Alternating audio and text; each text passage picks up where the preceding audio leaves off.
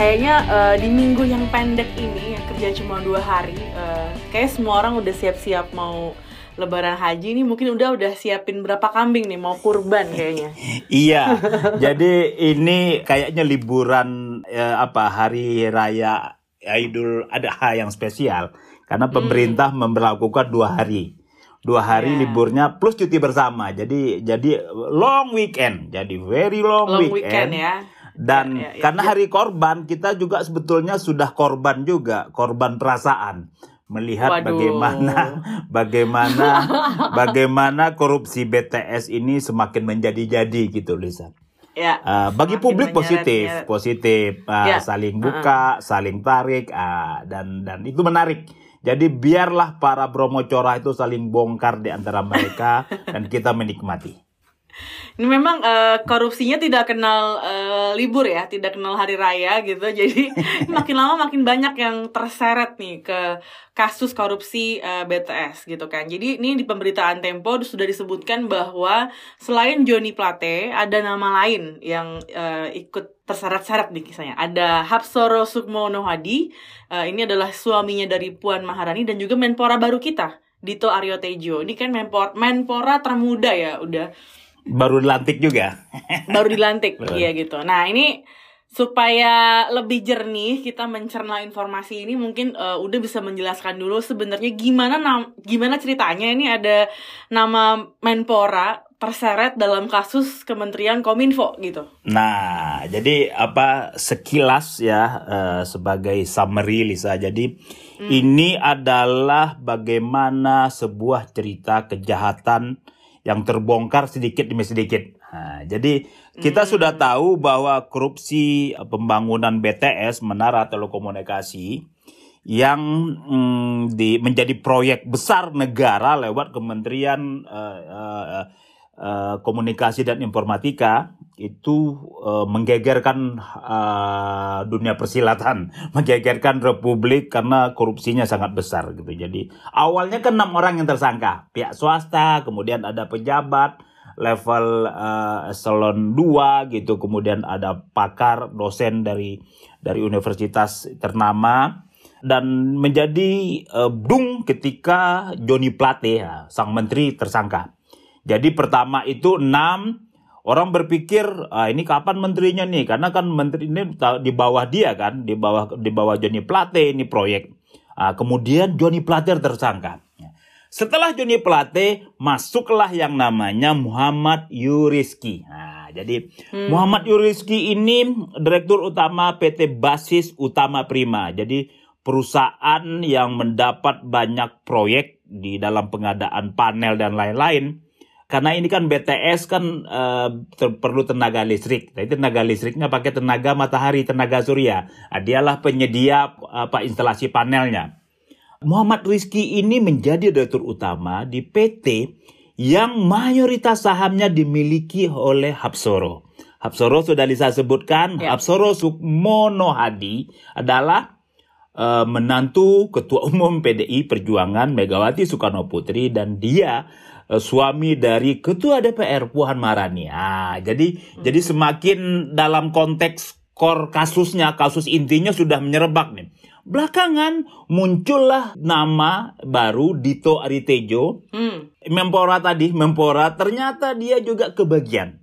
Kebagian hmm. dari mana? Kebagian dari uang yang saweran. Nah, jadi ternyata para tersangka tadi bikin saweran bikin hmm. saweran uh, tapi kalau kita mengenal sawer saweran untuk penyanyi dangdut tapi ini saweran saweran uh, saweran tuh biasa kalau pemain voli siapa yang semester tinggi dapat saweran pemain tarkam bola siapa menggolkan dapat saweran ini mereka menyawer mengumpulkan uang secara patungan gitu hmm. yang tujuannya adalah menyuap aparat penegak hukum dalam wow. urusan ini jaksa ah Siapa? Lewat tangan-tangan, lewat penghubung mediocre yang biasa kita panggil biasanya itu Markus, makelar kasus atau oh. makelar perkara.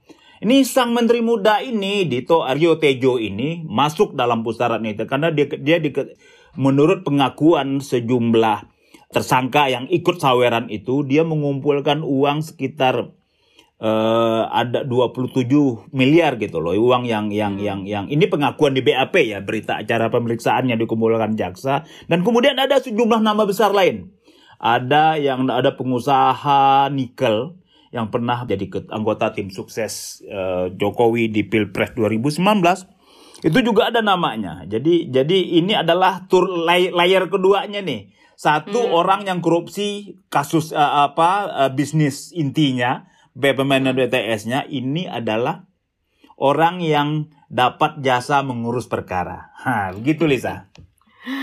Uh, ini kalau boleh tahu udah sebenarnya berapa sih duit yang uh, berputar gitu ya dalam si dugaan kasus suap jaksa ini? Ya, uh, temuan kita dan ini juga ada di dokumen pemeriksaan para tersangka yang dilakukan oleh Kejaksaan Agung.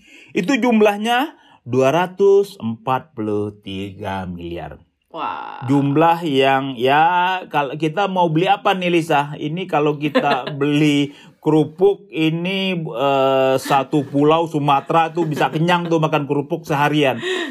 kita beli tempe itu bisa menenggelamkan mungkin uh, satu satu daerah gitu. Jadi jumlahnya besar meskipun kalau menging, uh, melihat jumlah korupsi dalam proyek BTS ini yang uh, menurut temuan BPKP itu potensi kerugian proyek BTS ini mencapai 8,2 triliun.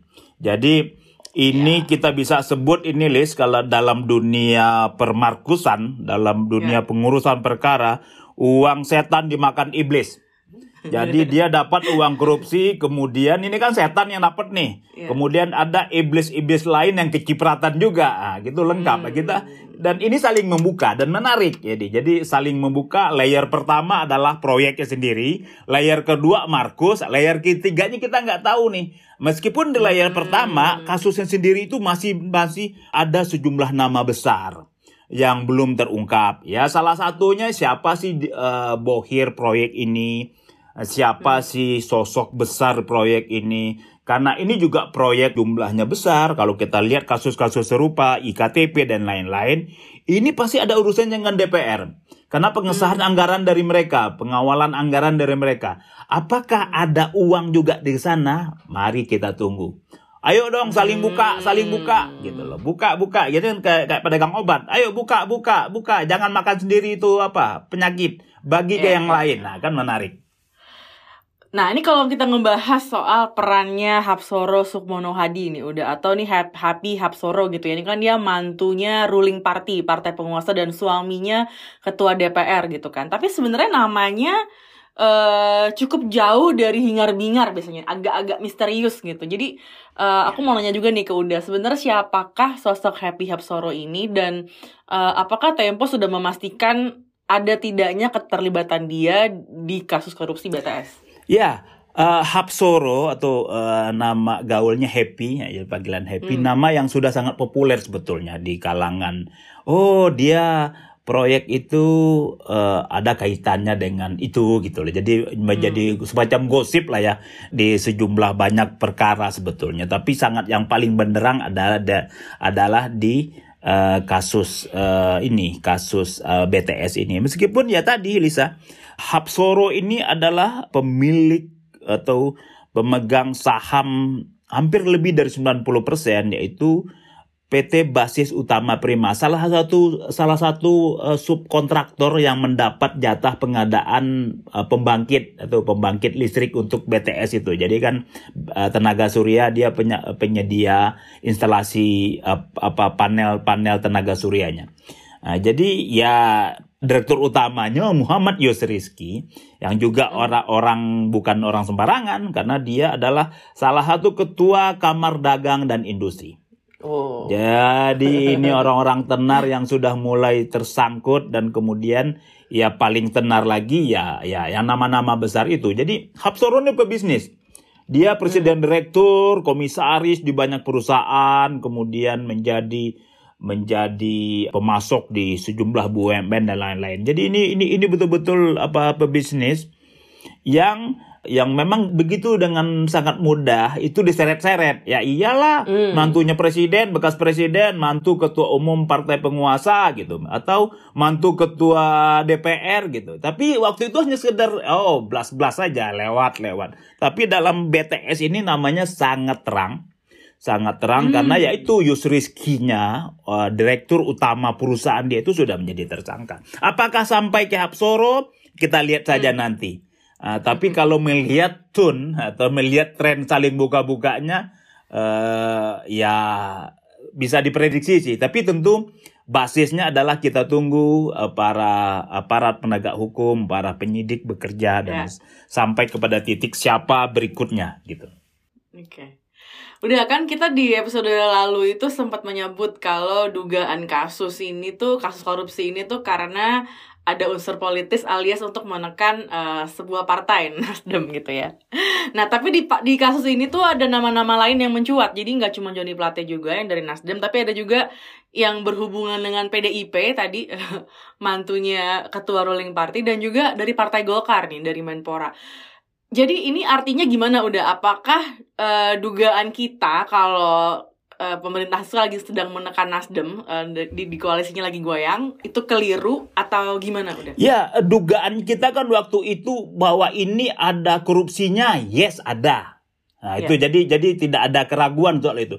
Bahwa Hmm. ini ada ditumpangi atau ditunggangi oleh urusan politik, betul ada juga indikasi itu. Hmm. Nah, ya kita menyebut ini kan proses negosiasi politik nih eh, bahwa Joni Plate sebagai sekjen Nasdem yang mengusung calon presiden di luar ya, keinginan eh, rezim pemerintah sekarang, keinginan Jokowi itu satu fakta. Tapi betul memang eh, ini sama di kasus-kasus korupsi yang lain kok.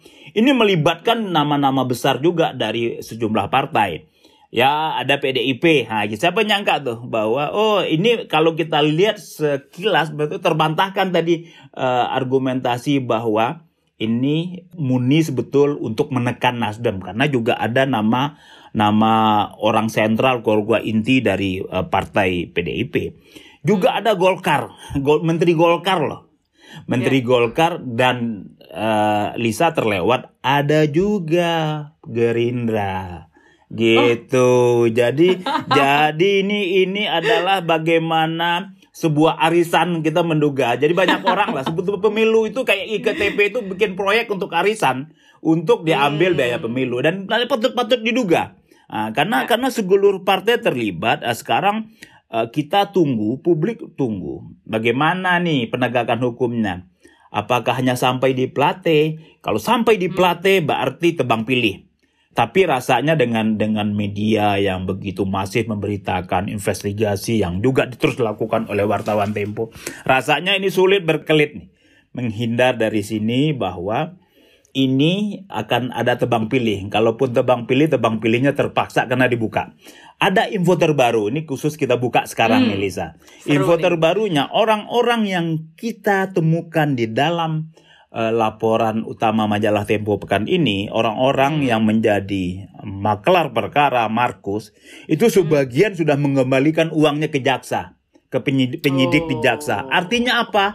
Pemberian uang itu hampir pasti benar gitu. Oh. Kalau kalau nggak benar ngapain dikembalikin? Kalau sekedar tuduhan sayang banget. Ada 27 miliar, ada 50 miliar kan uang besar itu. Kalau jadi ya itulah. Jadi kita tunggu saja nih kayaknya akan semakin buka terus terus dan terbuka. Gitu Lisa. Oke.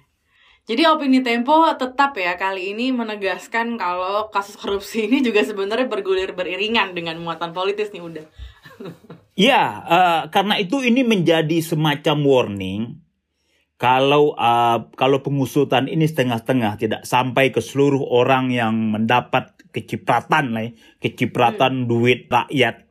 Eh, ini proyeknya 28 triliun yang sudah dicairkan 10 triliun dan potensi kerugian negaranya 8,2 triliun. Gila nggak? Coba bayangkan proyek itu 28 triliun. Uang negara yang sudah keluar itu 10 triliun. Tapi potensi korupsinya itu 8,2 triliun. Ini gila ini memang. Hmm. Jadi jadi kita sulit membayangkan bagaimana bagaimana sebuah proyek itu digarong ramai-ramai. Jadi ayo ini kesempatan bagi pemerintahan Jokowi, bagi aparat penegak hukum untuk membuka seterang-terangnya.